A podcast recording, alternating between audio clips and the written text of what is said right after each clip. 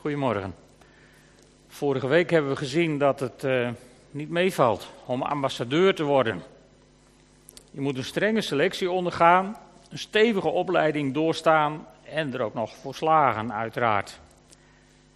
Maar goed, als aanstaande ambassadeurs van Gods Koninkrijk hebben we de eerste test glansrijk doorstaan door het offer van Jezus Christus. Dat hebben we vorige week met elkaar kunnen zien. En vandaag wil ik met u stilstaan bij het begrip toewijding. We pakken de draad op bij de slotconclusie van Paulus uit de preek van vorige week. En ik wil met u lezen uit Romeinen 5, vers 1 tot 11. Hey. Is het nu goed? Ja. Romeinen 5, vers 1 tot 11. Nou, hebt u het mooi weer op kunnen zoeken ondertussen. Wij zijn dus als rechtvaardigen aangenomen op grond van ons geloof en leven in vrede met God door onze Heer Jezus Christus. Dankzij Hem hebben we door het geloof toegang gekregen tot Gods genade, die ons fundament is. En in de hoop te mogen delen in Zijn luister, prijzen we ons gelukkig. En dat niet alleen, we prijzen ons zelfs gelukkig onder alle ellende, omdat we weten dat ellende tot volharding leidt, volharding tot betrouwbaarheid en betrouwbaarheid tot hoop. Deze hoop zal niet worden beschaamd, omdat Gods liefde in ons hart is uitgegoten door de Heilige Geest die ons gegeven is. Toen wij nog hulpeloos waren, is Christus immers voor ons, die op dat moment nog schuldig waren, gestorven. Er is bijna niemand die voor een rechtvaardig mens wil sterven, slechts een enkeling durft voor een goed mens zijn leven te geven. Maar God bewees ons zijn liefde doordat Christus voor ons gestorven is toen wij nog zondaars waren. Des te zekerder is het dus dat wij, nu we door zijn dood zijn vrijgesproken, dankzij hem zullen worden gered en niet veroordeeld. Werden we in de tijd dat we nog Gods vijanden waren al met hem verzoend door de dood van zijn zoon? Des te zekerder is het dat wij, nu we met hem zijn verzoend, worden gered door diens leven. En meer nog, dat wij God prijzen, danken we aan onze Heer Jezus Christus, door wie we nu al met God verzoend zijn. Een mooi stukje. En we gaan vers voor vers er even naar kijken. We zijn dus als rechtvaardigen aangenomen op grond van ons geloof en leven in vrede met God door onze Heer Jezus Christus. Dat was de slotconclusie die we vorige week hebben getrokken. Dat is waar Paulus op uitkwam. En als je weet dat je door God in genade bent aangenomen, dan hoef je niet meer bang voor God te zijn. Maar dan mag je in shalom met hem leven. Niet alleen in vrede als, als het feit dat er geen oorlog is tussen jou en God, maar in shalom. Het feit dat er een diep vertrouwen is, een heilige zekerheid, een, een rotsvast fundament onder je bestaan. Dat is wat het betekent. Zo mag je leven als je die genade hebt gezien, hebt ervaren. En dan staat er in vers 2, dankzij hem hebben we door het geloof toegang gekregen tot Gods genade die ons fundament is. In de hoop te mogen delen in zijn luister, prijzen we ons gelukkig. Geloof opent de deur naar Gods genade. En die genade is het fundament. En nu moet erop gebouwd worden. Wij mogen bouwen in hoop en in verwachting. Het boek geeft deze tekst heel mooi weer. Het boek zegt, hij, God dus, heeft ons dit bevoorrechte leven binnengeleid, waar we vol verwachting uitkijken naar alle grootste dingen die hij voor ons heeft klaarliggen. Dat is nog eens een tekst om blij van te worden, volgens mij, zo op zondagochtend. Dus dat is onze situatie en dat is veel positiever dan wanneer ons iets beloofd wordt en onze reactie is: ik hoop het. Weet je, in, in veel Bijbelvertalingen gaat het over hoop, maar het begrip hoop is, is in onze tijd zwaar gedevalueerd. In de tijd waarin de Bijbelvertalers dat woord gebruikten, de hoop, was dat de rots waar je op staat, de zekerheid waar je je aan vastklampte. Maar eh, als ik tegen een van jullie zeg, volgende week zondag krijg je 1000 euro van mij als je in de kerk bent.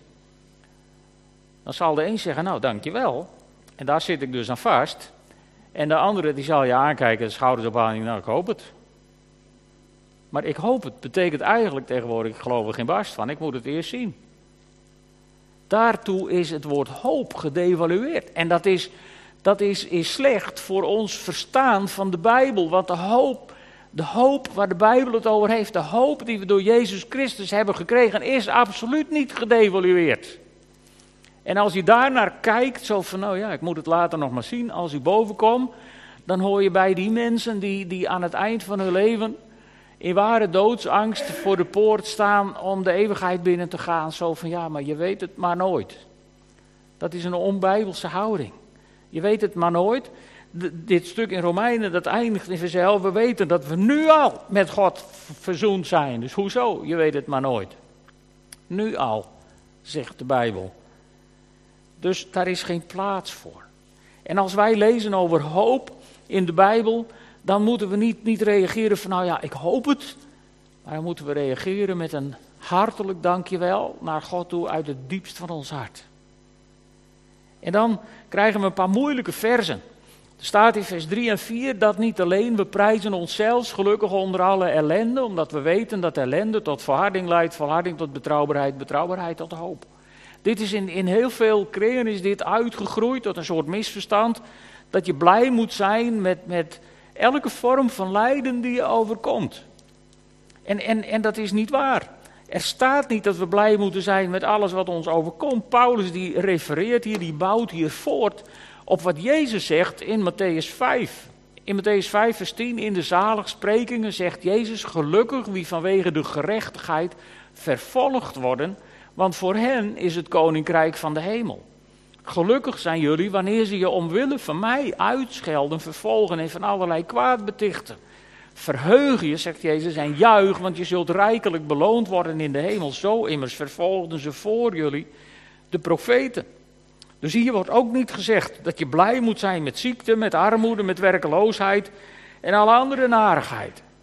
Als dat waar zou zijn, als we daar blij mee zouden moeten zijn, dan moet je morgen je ziektekostenverzekering opzeggen. Dan moet je het contract met je huisarts opzeggen. Dan moet je al je medicijnen terugbrengen naar de apotheek. En zeggen: Ik stop ermee, want ik ben zo blij met dit lijden waar ik in zit.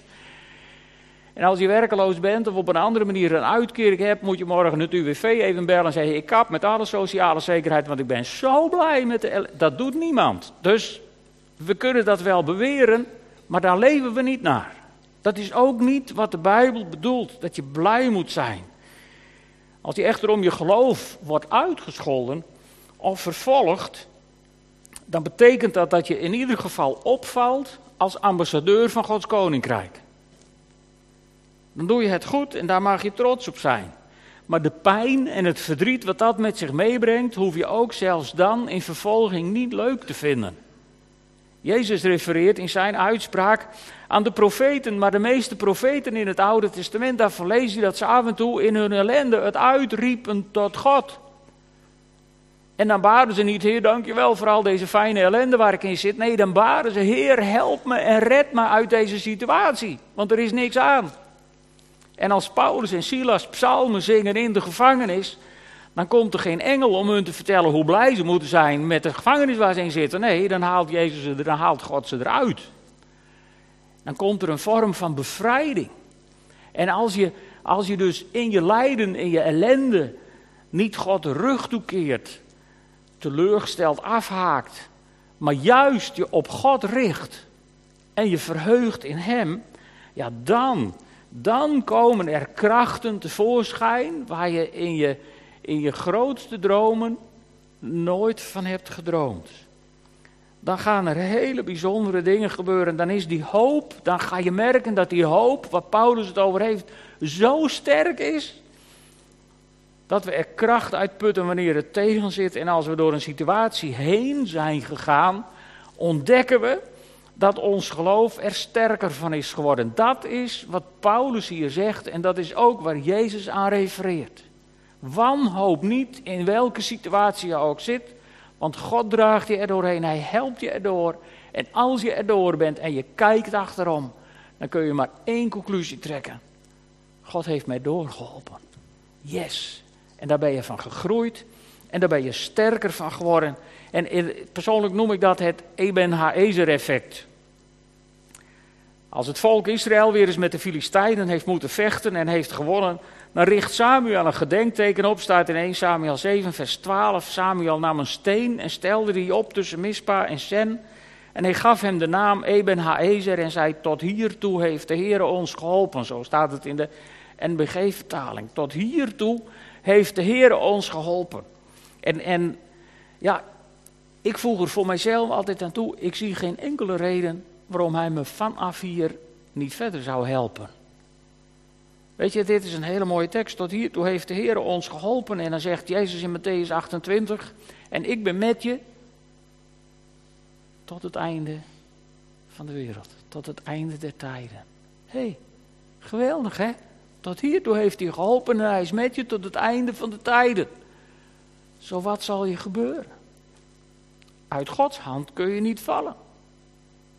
Dat is niet mogelijk. Dus dat Eben Haezer effect, dat is wat je krijgt. Dat is wat Paulus bedoelt. Dat, dat ellende tot volharding leidt en volharding tot hoop. Yes, daar zie je het gebeuren. Geloof in de praktijk. En dan staat er in vers 5: Deze hoop zal niet worden beschaamd, omdat Gods liefde in ons hart is uitgegoten door de Heilige Geest die ons gegeven is. Super, dus God maakt zijn belofte waar door de kracht van de Heilige Geest die in ons woont. Voor ons mensen na Pinkster moet dat gewoon heel helder zijn. En daardoor gaan mensen ook Gods kracht in jouw leven zien. In de King James vertaling staat in vers 3 zo heel mooi, daar staat we glory in our tribulations. Dus je straalt in je verdrukkingen, in je tijd van lijden. In een plek waar wij hebben gewoond, daar was een uh, vrouw, lid van onze gemeente, en die, die kon je niet tegenkomen zonder over het geloof te praten. In de supermarkt, bij de kapper, bij de bakker, zomaar op straat, maakt er niet uit. Altijd tegen iedereen, niet alleen tegen christenen, maar vooral ook tegen alle mensen. Het hele dorp kende haar wel. Er was altijd wel even iets over God en over Jezus. Ze hadden een meisje van een of veertien in die tijd, vijftien misschien, die viel van het paard. En die werd in coma naar Groningen getransporteerd. En dat leek allemaal heel dramatisch. Het is heel wonderlijk hersteld. Ze is is praktisch zonder restverschijnselen genezen. Maar toen dat gebeurde, toen zag je als het ware het hele dorp op zijn tenen gaan staan van nu gaan we kijken wat het waard is. En zij maakten dit waar, we glory in tribulations. Er was geen wanklank, geen verkeerd woord over hun lippen. Het was alsmaar uitspraken van geloof in God. God heeft ons geholpen, hij zal ons helpen, enzovoort, enzovoort. En daar is langer over nagepraat dan over alle preekjes die ze hield in de supermarkt en wherever. En zo zal het ook in jouw leven zijn. Als de kracht van God zichtbaar wordt, op momenten dat het erop aankomt, dat maakt meer indruk op mensen dan alle woorden die je kunt spreken. Ze willen het namelijk niet alleen van je horen, mensen willen het in je zien. In je leven willen ze het zien. En daarom, ja, daarvoor zijn die tribulations, die ellende waar Paulus het over heeft, zijn soms van die kansen. Om te laten zien dat God echt is. Geen fabeltje. Geen goede gedachte uit een ver verleden. Maar de hedendaagse, levende kracht die in jou is. En dat ga je ook zelf beleven. En, en, dat maakt je hele leven anders. En dan komt er weer een volgend stukje. Dan zegt dan zegt Paulus, toen wij hulpeloos waren, is Christus voor ons, die op dat moment nog schuldig waren, gestorven. En zegt er is al bijna niemand die voor een rechtvaardig mens wil sterven. Laat staan voor een onrechtvaardig mens. Maar God bewees ons zijn liefde doordat Christus voor ons gestorven is toen wij nog zondaars waren. Volkomen idioot. Geen weldenkend mens zou dit ooit in zijn hoofd halen. Voor een held wil je nog wel eens wat doen. Maar voor een zondaar, voor een mislukkeling, voor iemand die gewoon helemaal niks meer voorstelt, daar doe je dat toch niet voor. Maar Jezus zette zijn leven juist in voor mensen die het niet verdienen. Voor mij bijvoorbeeld. Hij zette zijn leven in om mij het stempel goedgekeurd te bezorgen, zodat ik mee mag doen aan de opleiding tot ambassadeur. En dan zegt Paulus in vers 9, des te zekerder is het dat wij dus, nu we door zijn dood zijn vrijgesproken, dankzij hem zullen worden gered en niet veroordeeld. Werden we in de tijd dat we nog Gods vijanden waren al met hem verzoend, dat is, is bijna onvoorstelbaar, door de dood van zijn zoon, des te zekerder is het dat wij, nu we met hem zijn verzoend, worden gered door diens leven.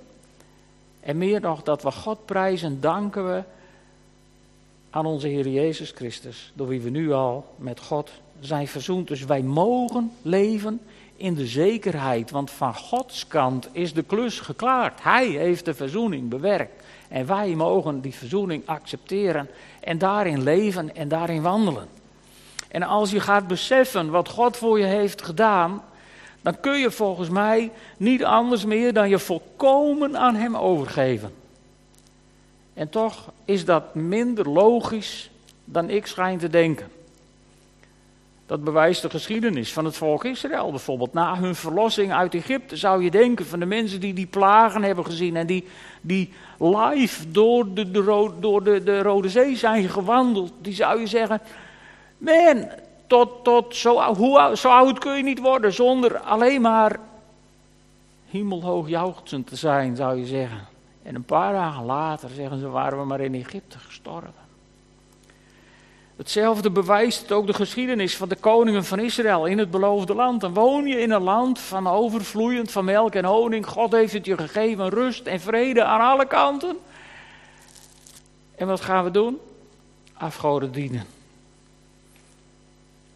Wie zich nog herinnert, eh, twee zomers geleden heb ik een prekenserie gehouden over de kleine profeetjes. En daar, daar heb ik deze dia gebruikt. Er waren twee soorten koningen in Israël. Er waren zij die deden wat goed is in de ogen van de Heer en zij die deden wat slecht was in de ogen van de Heer. In het land Juda betekende dat dat ze het voorbeeld van David volgden, of niet. En in de tienstammenrijk betekende dat dat ze het voorbeeld van Jerobeam volgden, of niet. En, en ik zou ze nog een keer anders willen verdelen. En niet alleen de koningen van toen, maar ook de mensen van nu. Er zijn mensen die zijn God helemaal niet toegewijd. Een voorbeeld uit, uit het boek Koningen, of uit het Oude Testament, is koning Agab. Bij heel veel bijbelgetrouwe mensen wel bekend. 1 Koningen 16 vers 30, er staat Agab deed wat slecht is in de ogen van de Heer. Zijn gedrag was nog erger dan dat van zijn voorgangers. Maar als Jezus op aarde loopt en hij ontmoet de fariseeërs en hij heeft een paar keer een forse aanvaring met hen gehad, dan zegt hij tegen de fariseeërs, dit volk eert mij met de lippen, maar hun hart is ver van mij. Die waren geen haar beter.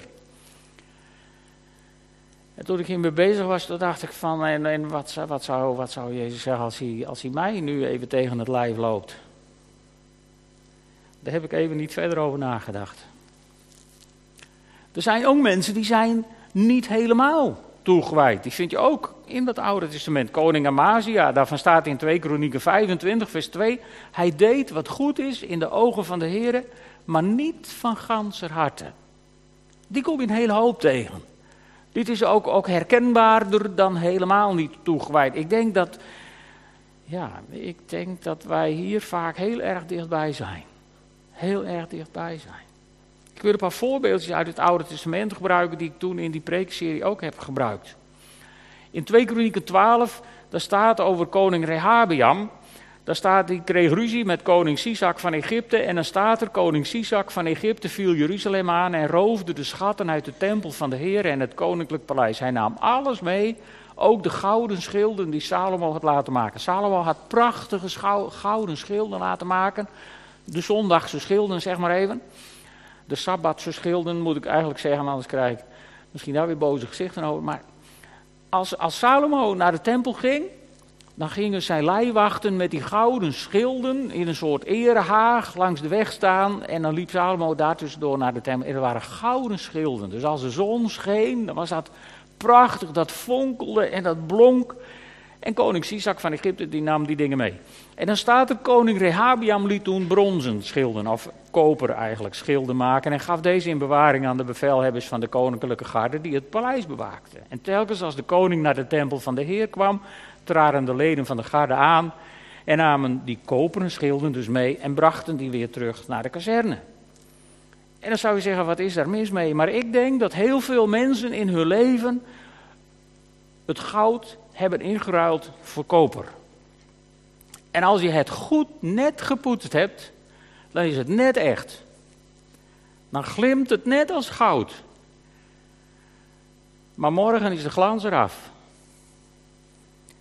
Je poetst je te pletter en je bent alleen maar bezig om de schijn op te houden. Werk vervangt de relatie met God en dienst vervangt ontmoeting.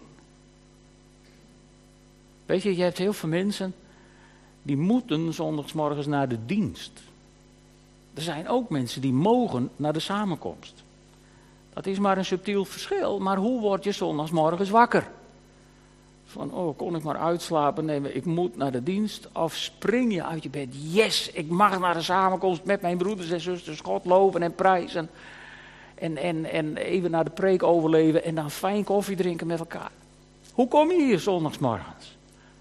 Dat heeft hiermee te maken. Heb je, is het nog goud in je leven wat glimt van zichzelf? Of heb je dat ingeruild voor koper waar je een hele hoop werk van hebt?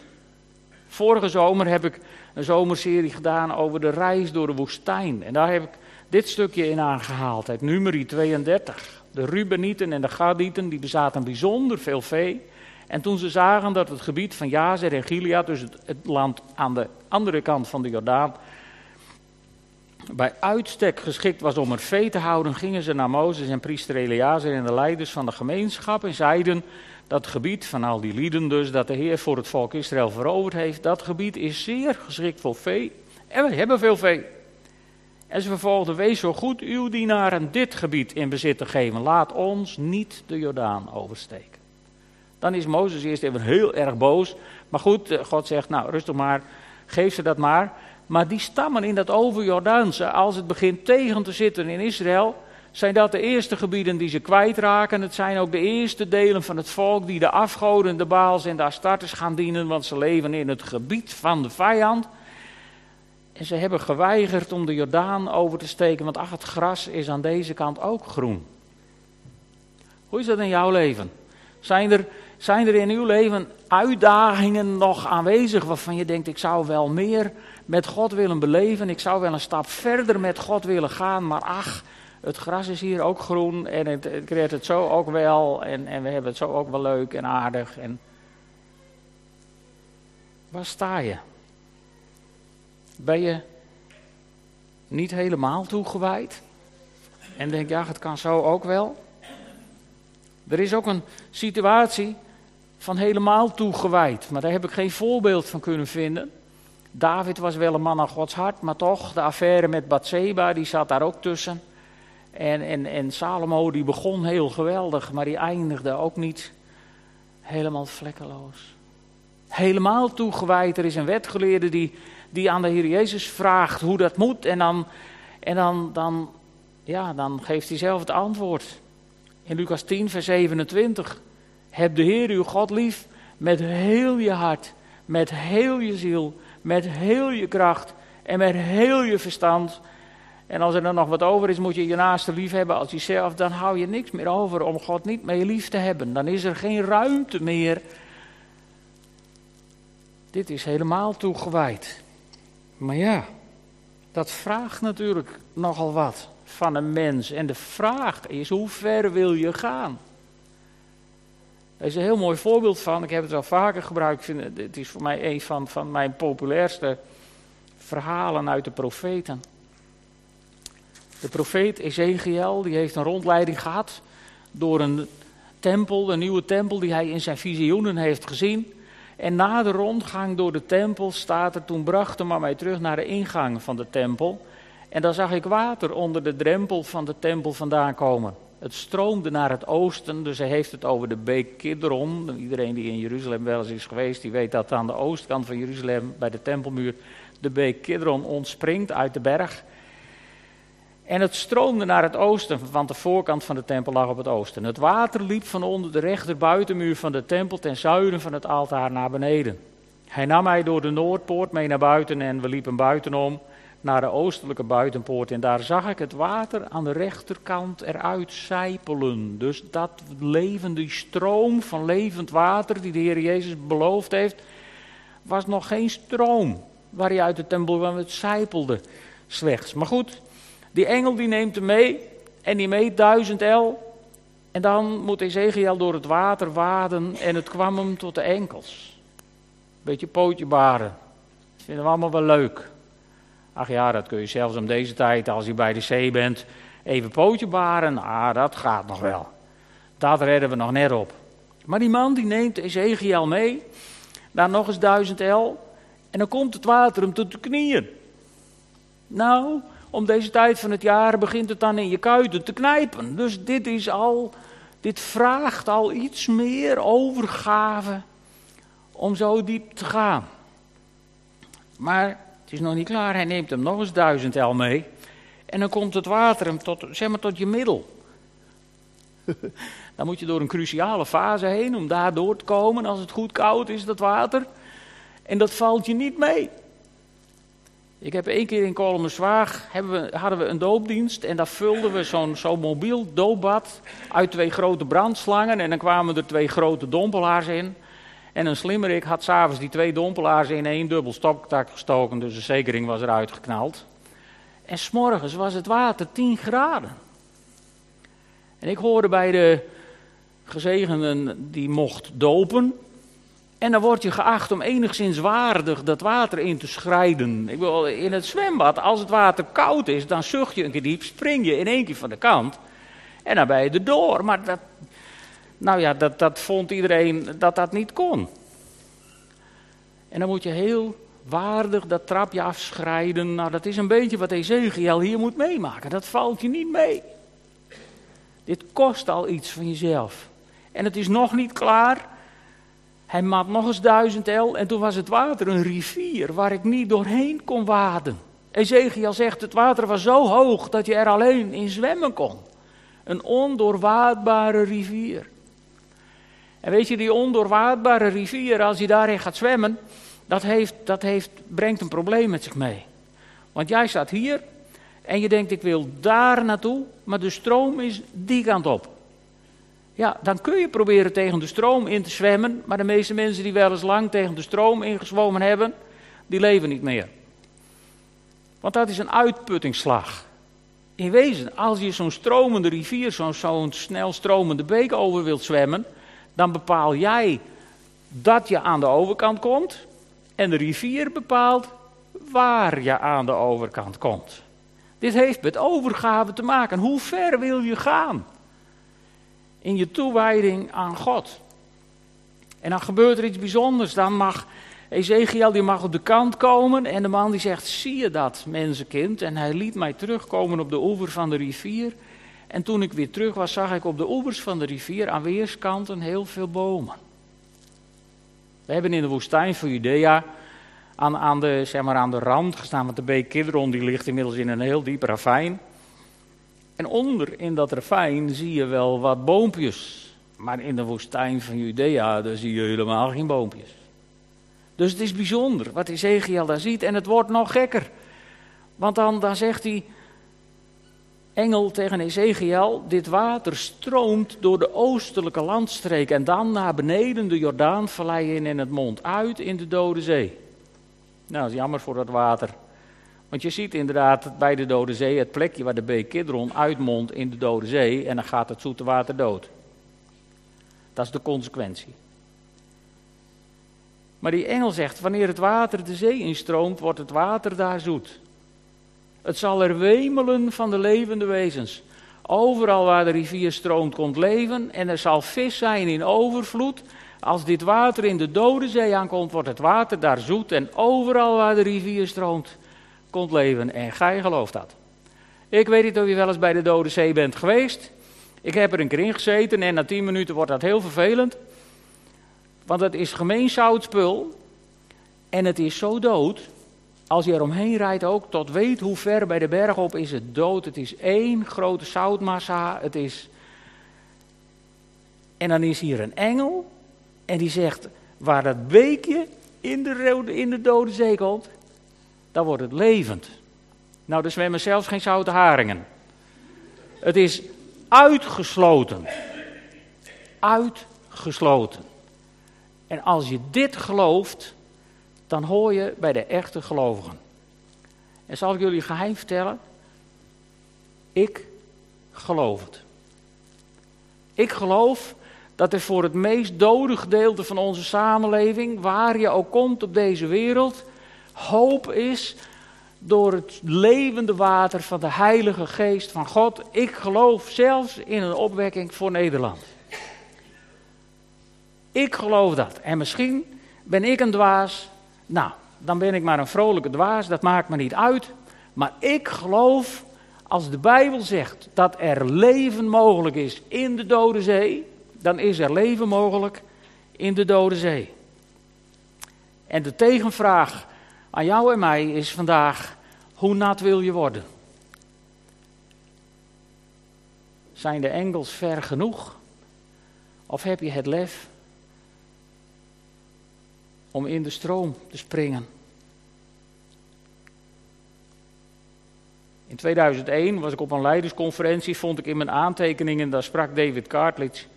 En die zei, iedere dode vis kan met de stroom meezwemmen. Maar als je je opent voor nieuw leven, kun je ook tegen de stroom in zwemmen. En ik daag je uit om je te openen voor nieuw leven van God. Om in je gebedsleven werkelijk God uit te dagen om met vernieuwing te komen. Gisteren hadden we overleg met, met de kleine evangelische gemeentes in Drachten. En toen was er iemand van een andere gemeente en die zei: Wij zijn door God geleid op de weg om de bidstond weer op te starten. En toen dacht ik: Waar ken ik dat toch van? En toen heb ik dat ook gedeeld en we hebben elkaar heel verwonderd aangekeken zo van wat is er aan het gebeuren. In welke tijd leven wij? Als je je opent voor nieuw leven kun je ook tegen de stroom inzwemmen. En ik vond een heel mooi stukje van Tommy Tenney, die heeft een heel mooi boekje geschreven, Achter God aan, The God Chasers heet het in het Engels. Achter God aan in het Nederlands, als je het niet kent, een absolute aanrader. Niet bestellen bij bol.com, maar bij de EVG's boekwinkel. Dat was de reclame. En Tommy Tenney die schrijft over dit Bijbelgedeelte. De rivier van Gods tegenwoordigheid die uit Gods heiligdom stroomde, werd ironisch genoeg steeds dieper naarmate de profeet verder liep. Dus hoe verder hij van de kerk kwam, hoe dieper het werd. Ten slotte kwam Ezekiel in water waar hij niet meer kon staan. Hij had het niet meer in de hand. En dan zegt Tommy Tenney, ik maak me sterk voor een opwekking die we niet meer in de hand hebben. En het ondiepste punt mag wat mij betreft bij het kerkgebouw liggen. Hoe nat, lieve vrienden, wil je worden? Hoe ver wil je gaan? Wat mag God van jou verwachten? Weet je, een van mijn meest afschrikwekkende verhalen uit de Bijbel vind ik altijd het Pinksterverhaal. In Handelingen 2. Je hebt een leuke club mensen, een gezellig gemeentetje. Je bent met z'n 240 heerlijk in de bovenzaal. Het waait af en toe een beetje terwijl de ramen dicht zijn. En er zijn wat mensen met vlammen op hun hoofd. En er gebeuren wat leuke dingen. En je hebt een fantastische tijd met elkaar. En iedereen heeft het gewoon leuk. En s'avonds zijn er ineens 3000 mensen meer en wordt Jacuut benoemd tot kringleider. Zie je dat voor je? Hoe zouden jullie het vinden als vanavond deze gemeente met 1500 mensen was gegroeid. We zijn hier met de helft van de mensen die in de bovenzaal waren, dus laten we ook met de helft tevreden zijn. Dan waren jullie allemaal aan de beurt. Dan zou niemand van jullie kunnen zeggen: ja, maar ik ben nog zo kort christen, ik kan geen kringleider zijn. Dat was helemaal geen item. Want zelfs die 3000 nieuwen, die moesten die week daarna kringleider zijn voor de volgende lichting. Een nachtmerrieverhaal. Hoe nat wil je worden? Wat mag het kosten? Als God gaat komen met nieuw leven, hoe toegewijd wil je zijn? Zullen we gaan staan en samen bidden? Heere God, ik verwacht grote dingen van u. Ik geloof dat waar de stromen van levend water gaan komen, die uit ons binnenste vloeien, want dat hebt u ons beloofd. Ik verwacht dat waar die stromen komen, zelfs de doodste zee tot leven kan komen. Heer, uw woord zegt het en ik geloof. En ik bid u, maak ons klaar. Bereid ons voor, Heer, want dit kunnen we niet uit eigen kracht. Als we het over toewijding hebben, Heer, dan zijn we zo gauw geneigd om, om, om te denken dat dat onze prestatie is. Maar ik geloof dat dat een werk is van uw Heilige Geest in onze harten. En ik bid werk in onze harten. Pak ons maar aan, Heer, de komende tijd. Geef ons visie voor wat u wilt gaan doen. Geef ons geloof voor wat u wilt gaan doen. En Heer, geeft u ons dan ook de bereidheid om ervoor te gaan. En waar we moe zijn, uitgeput, uitgeburnd misschien wel tegenwoordig. Heere, daar geeft u nieuw leven. Want ook in de diepste burn-out kunt u nieuw leven brengen. In een oogwenk. Heere, we zien uit naar u. We verwachten het van u. En we geloven één ding, hoe het er ook uitziet. We zijn nooit meer alleen. Nooit meer alleen. Want u gaat met ons dwars door de stormen heen. Amen.